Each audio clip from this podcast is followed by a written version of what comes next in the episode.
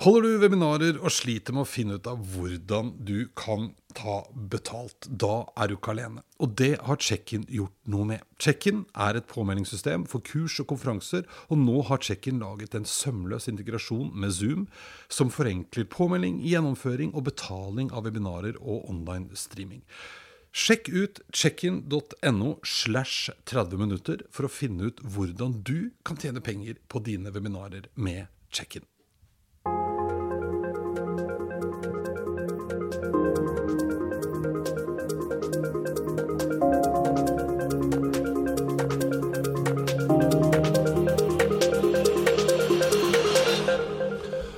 Teknologi og bærekraft hører sammen, det kan vi være helt enige om. Det mener i hvert fall dagens gjest, som er nettopp direktør for teknologi og bærekraft i IKT Norge, nemlig Mali Hole Skogen.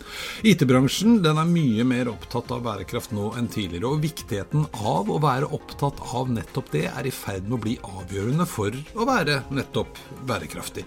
På den ene siden blir kjøperne og investorene mer bevisste og vil ikke handle med eller investere i selskaper selskaper som ikke tar bærekraft på alvor.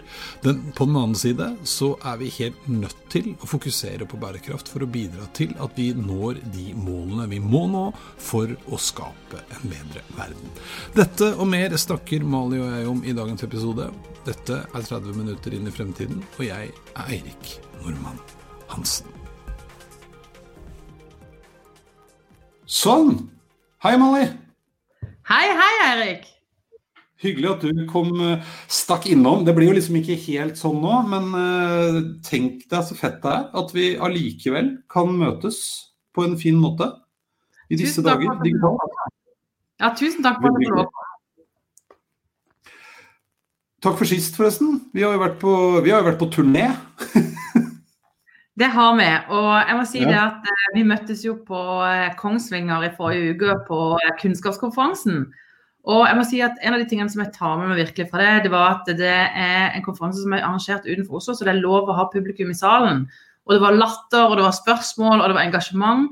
Og Det er veldig fint å se det på skjerm, men det er enda finere å se folk i live. Så det var gøy å få treffe folk igjen. Og, og du leder konferansen på en glitrende måte. Tusen takk. Ja, og jeg er helt enig. Jeg sa jo det når vi starta. Det var liksom noe med det. og, og det var jo ikke mange, det var ti stykker eller noe sånt. 15 tror jeg det var i salen. Men eh, det var deilig. Ja, men, det var eh, Hei sann. Det er bare jeg som slår i veggen. Jeg sitter ikke hos meg selv, det er litt trangt her. Men går det fint med deg om dagen?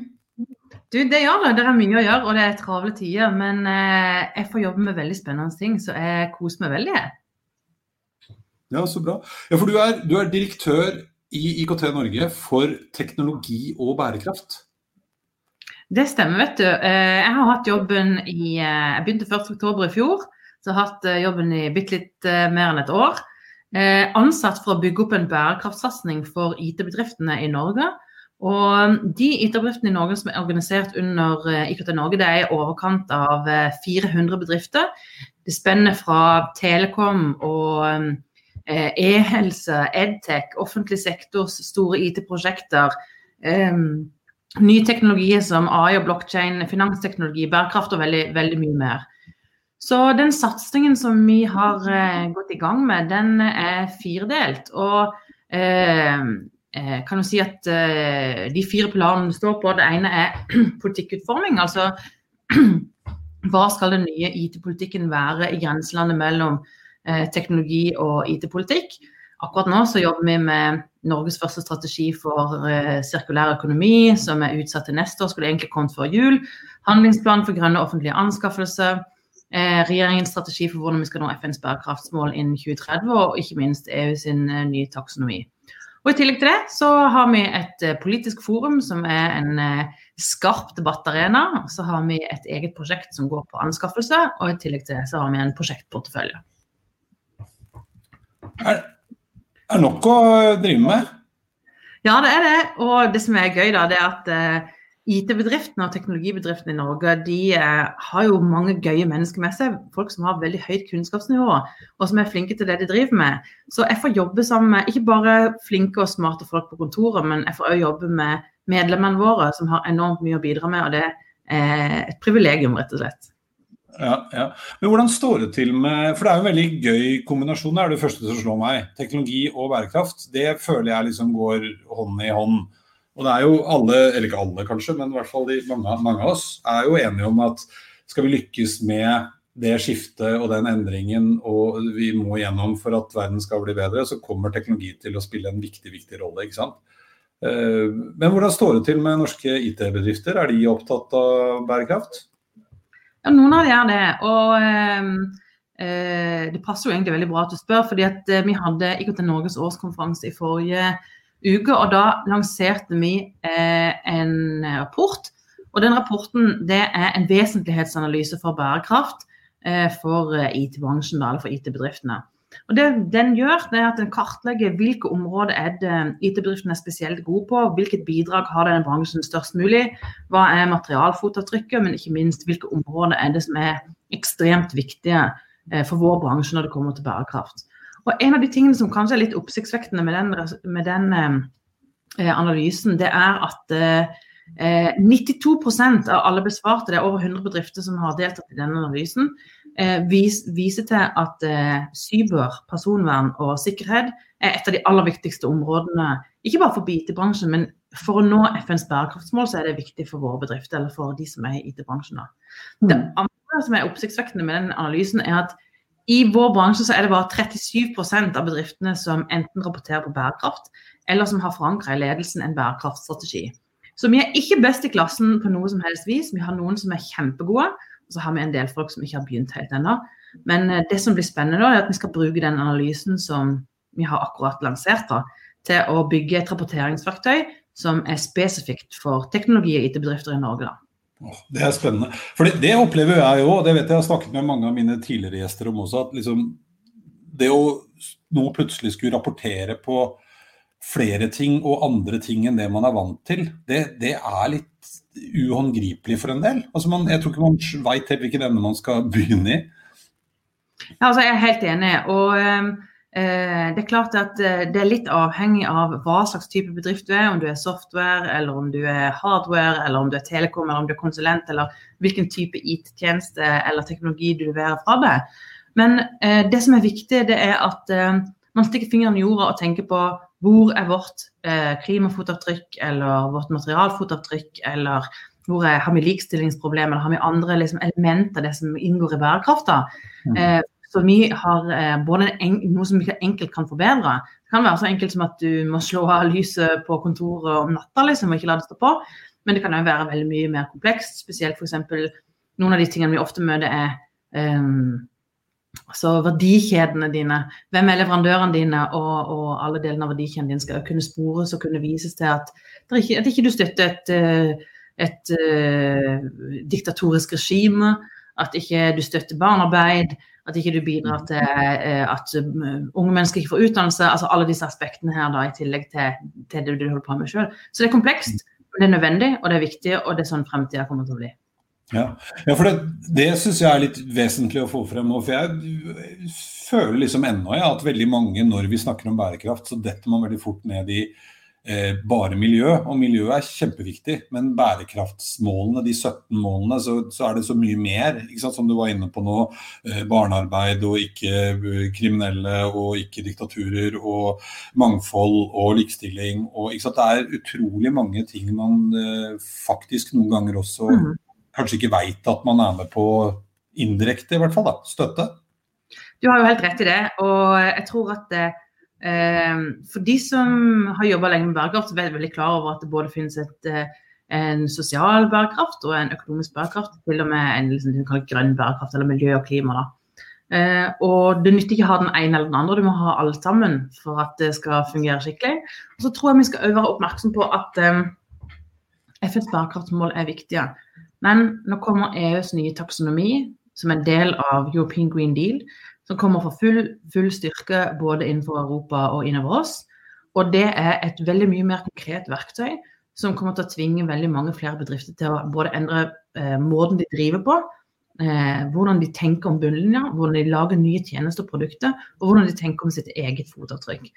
Så mm. eh, vi har eh, en fremtid foran oss hvor eh, det å ikke bare bruke kast, eller tenke kortsiktig, er passé, og hvor full sirkulær økonomi, eh, eh, bærekraftige forretningsmodeller og ikke minst fornybar energi kommer til å spille en mye viktigere rolle i tida framover. Ja. Vi, vi, hørte jo det kommer på nå, vi hørte jo også på i uh, konferansen uh, i Kongsvinger fra Nordea, som snakket om hvordan både de, og jeg vet at Storebrand har gjort det samme, tipper på at Nordea, nei, DNB har gjort det samme. altså Investerer ikke penger av alt det de forvalter i selskaper som ikke kan vise til at både de selv har kontroll på alle disse tingene vi snakker om nå, men også begynner å stille krav til at de skal ha kontroll på underleverandørene sine. Og da begynner det jo på en måte å bli litt Da, da betyr det noe for, for, veldig mange, da.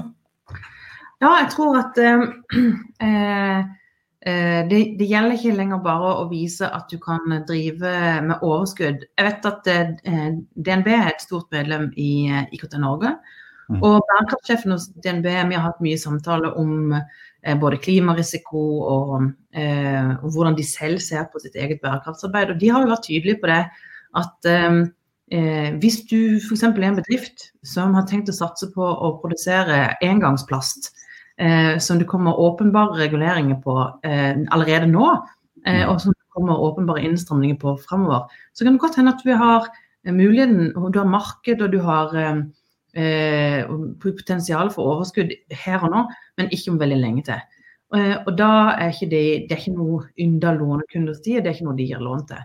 Så, eh, og det er det liksom helt banale, enkle eh, regnestykker. Og så har vi det som er mye mer komplekst i tillegg, og det er der de store analysene hvor DNB er veldig gode til å, gjennomse, til å liksom, eh, se gjennom om dette her er eh, kortsiktig eller langsiktig. da. Mm, så her mm. gjelder det å være på ballen og ikke falle av lasset. Og hvis du er på ballen, så vil du ha et åpenbart konkurransefortrinn. Og faller du av lasset, så er det fordi du ikke følger med i timen.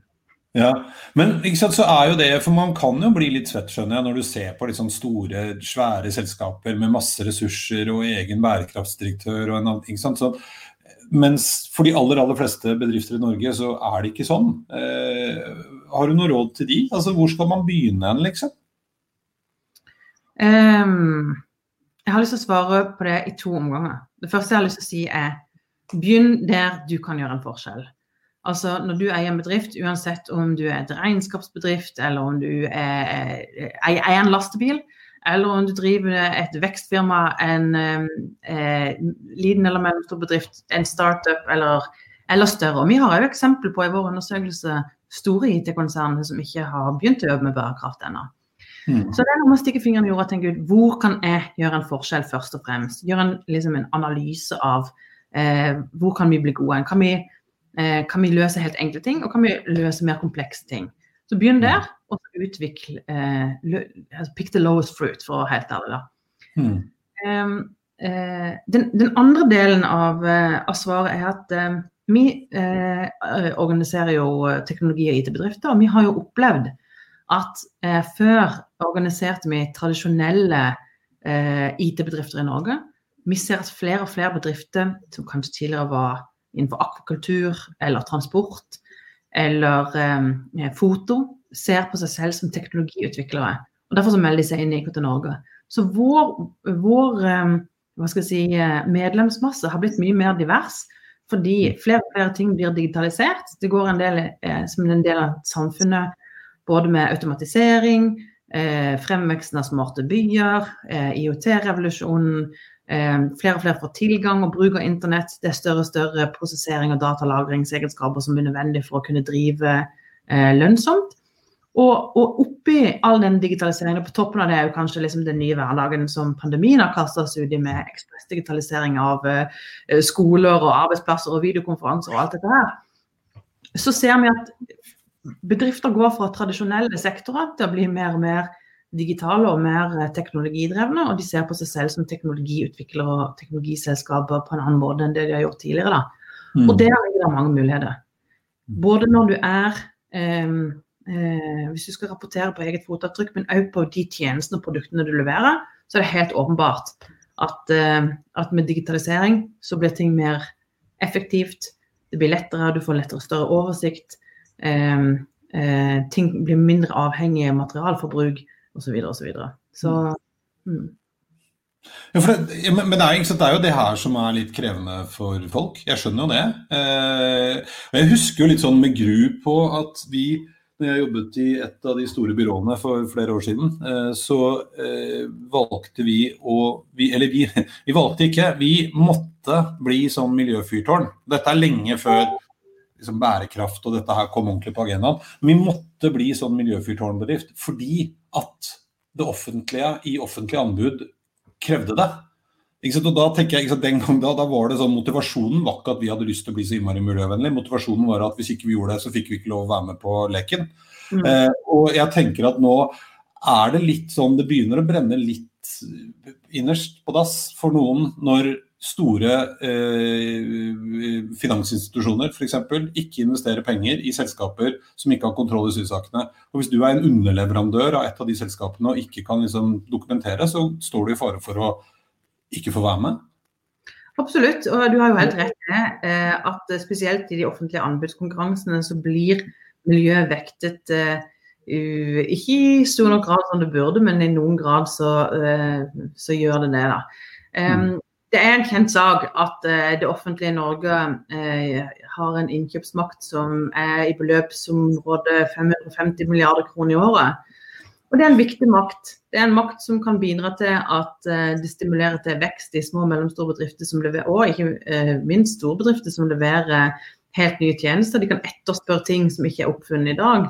De kan etterspørre ting som kan skape et marked for nye produkter. De kan ikke minst etterspørre eh, produkter som kan styrke både lokalt og nasjonalt næringsliv. Det som har vært vår kongstanke med, kongstanke med det arbeidet når det gjelder offentlige anskaffelser, har jo vært at det er en enormt stor og viktig mulighet for Norge å utnytte. Det at vi klarer å bruke eh, det offentliges innkjøpsmakt eh, til å stimulere til vekst og drift av nye bærekraftige og digitale løsninger, ikke minst. Mm. Det er utrolig viktig. Vi hadde en diskusjon her eh, med Miljødirektoratet om dagen som handler om, som handler om akkurat det anskaffelse. At hvis man skal eh, La oss si at eh, skatteetaten eller Nav eller eh, helseforetakene som lager masse data med oss, så må vi huske det at i Norge så er vi utrolig heldige som har datasentre som er dreven på ren og fornybar kraft. Mm. Det er ikke, det er ikke normen rundt omkring i verden hvor de fleste datasentre er lagra på går på kull eller, eh, eller, det, eller det, som er verre er, da. Um, og uh, I Norge så betyr det da at hvis vi lagrer og prosesserer data her hjemme, så vil ikke våre data ha et klimafotavtrykk. Men det vil det gjøre hvis vi må kjøpe den tjenesten i utlandet.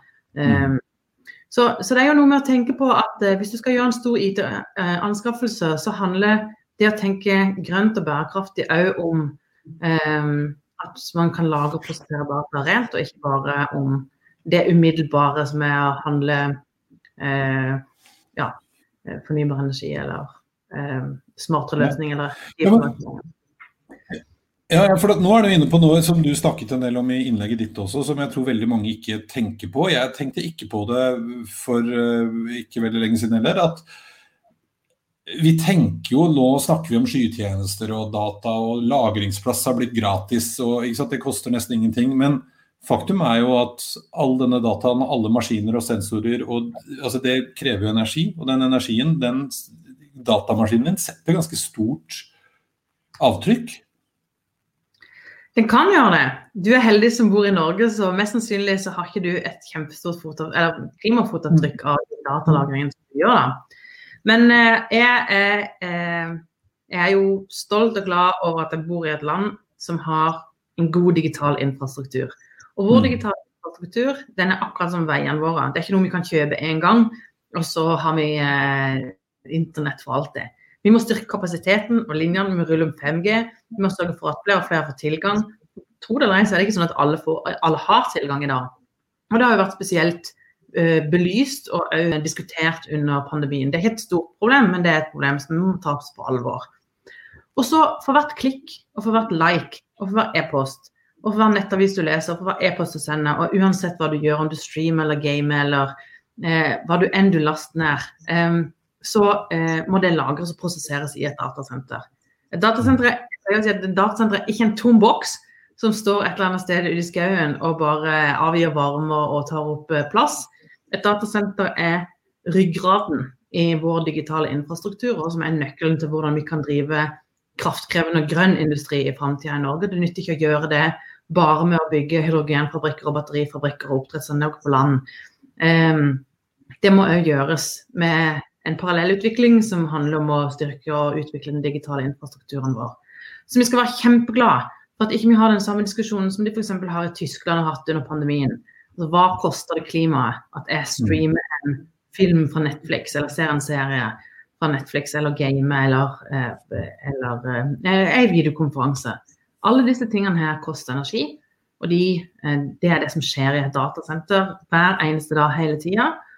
Og vi vet jo at trafikken på datasentrene i verden har gått opp 40 bare siden pandemien eh, traff inn i mars, her i Norge da, men, men, globalt sett. Så dette er jo en tjeneste som kommer til å bli mer og mer etterspurt, og som kommer til å bli viktigere og viktigere at skjer på grunn. Lyst, jeg har lyst til å si at vi vet at alle de største teknologigantene i verden har forplikta seg til å lagre og prosessere data på ren fornybar kraft innen 2030. Så dette er ikke dette er ikke noe sånn småskalaprosjekt. Det er en stor driver, og vi er utrolig heldige i Norge som har um, Hva er det for noe? Vi har 1000 kraftverk og 1600 demninger på vannkraft. Ja, ja, dette, gjort, uh, dette er vel en viktig grunn til at er det ikke både Google og Microsoft i hvert fall som har svære svære datasentre i Norge? Absolutt. Nå er det spot on, vet du. Eh, mm. og jeg, jeg, sier ikke at det er problemfritt å etablere datasentre i Norge, men det er helt nødvendig eh, mm. å tenke eh, bærekraftig industri i framtida. Så det er en, eh, en, viktig diskusjon å ta. Ja, men jeg synes Du hadde et veldig gøyalt eksempel også som illustrerer det litt. for Én ting er svære svære, svære dataparker og sentre, men, men vi, vi, tenker jo ikke på det. Du, det Frankrike-eksempelet ditt, åssen var det igjen? Ja, det, det, er noe så enkelt som at ikke IKT Norge kommer til å ta initiativet til å ha noe som heter Clean out your computer day. Eller ja. det som vi i Norge kommer til å kalle rydde opp dataen din dagen, eller noe sånt noe. Din dagen?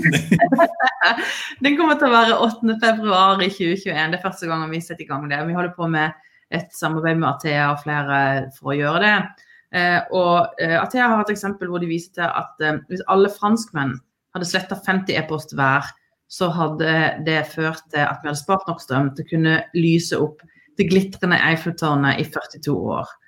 Um, og det finnes mange lignende eksempler på å gjøre det uh, i Norge òg. Så bare det å ikke, ikke lagre alle e-poster, slette de mest eh, Tømme søppelkasser f.eks. har en stor betydning eh, for oss alle sammen. Ja, Nei, det er jo sånne ting, eh, og Én ting er jo oss privatpersoner, men tenk deg hvor mye data som ligger rundt uh, i bedrifter. Altså, Én ting er det vi skal ta vare på, men en annen ting er alt det vi ikke trenger å ta vare på. Som bare ligger der.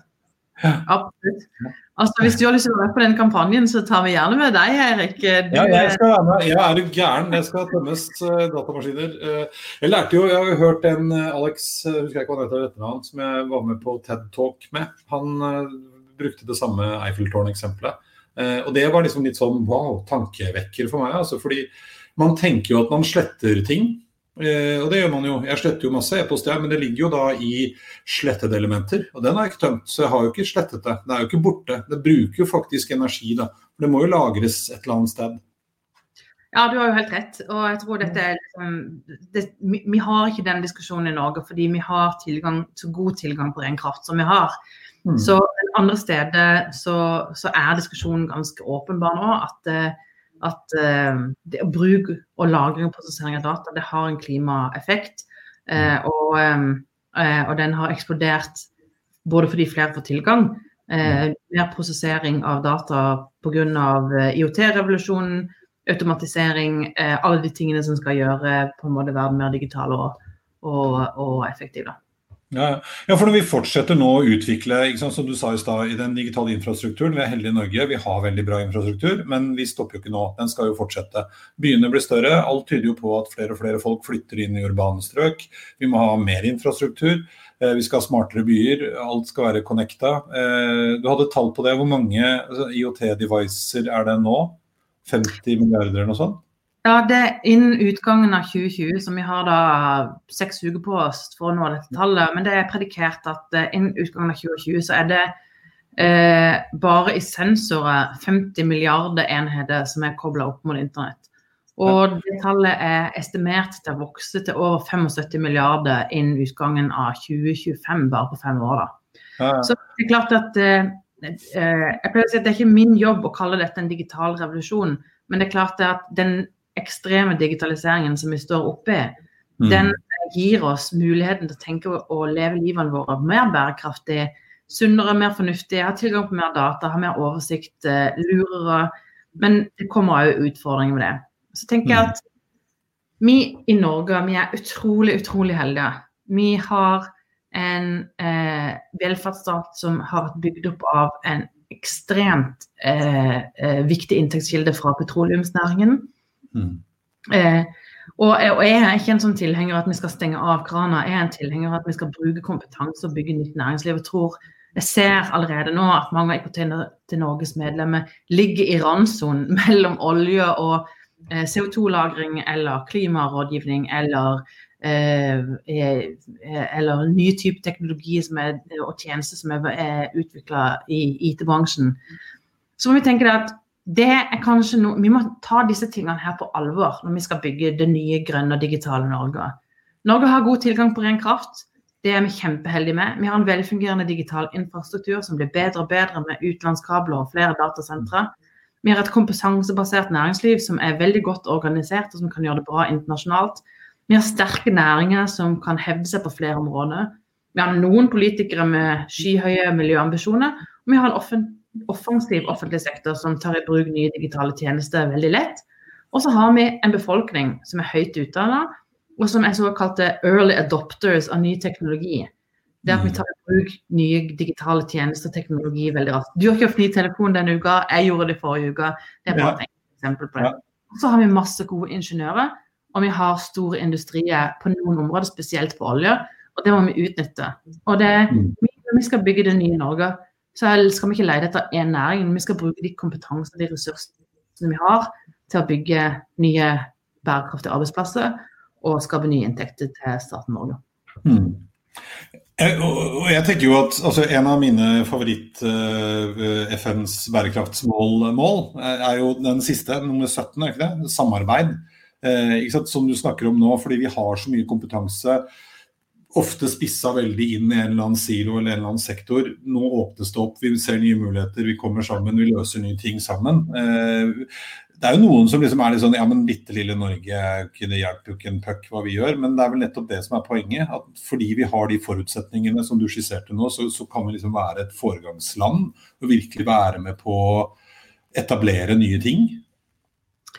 Ja, det tror jeg absolutt. Eh, men jeg tror òg vi skal være eh, Vi skal passe oss for at ikke vi skal bli for fat and lazy pga. Mm. oljen. Vi har jo vært, Min mor pleier å si til meg at jeg er født i eh, verdens eh, beste land til verdens beste tid. Jeg er født på begynnelsen av 80-tallet.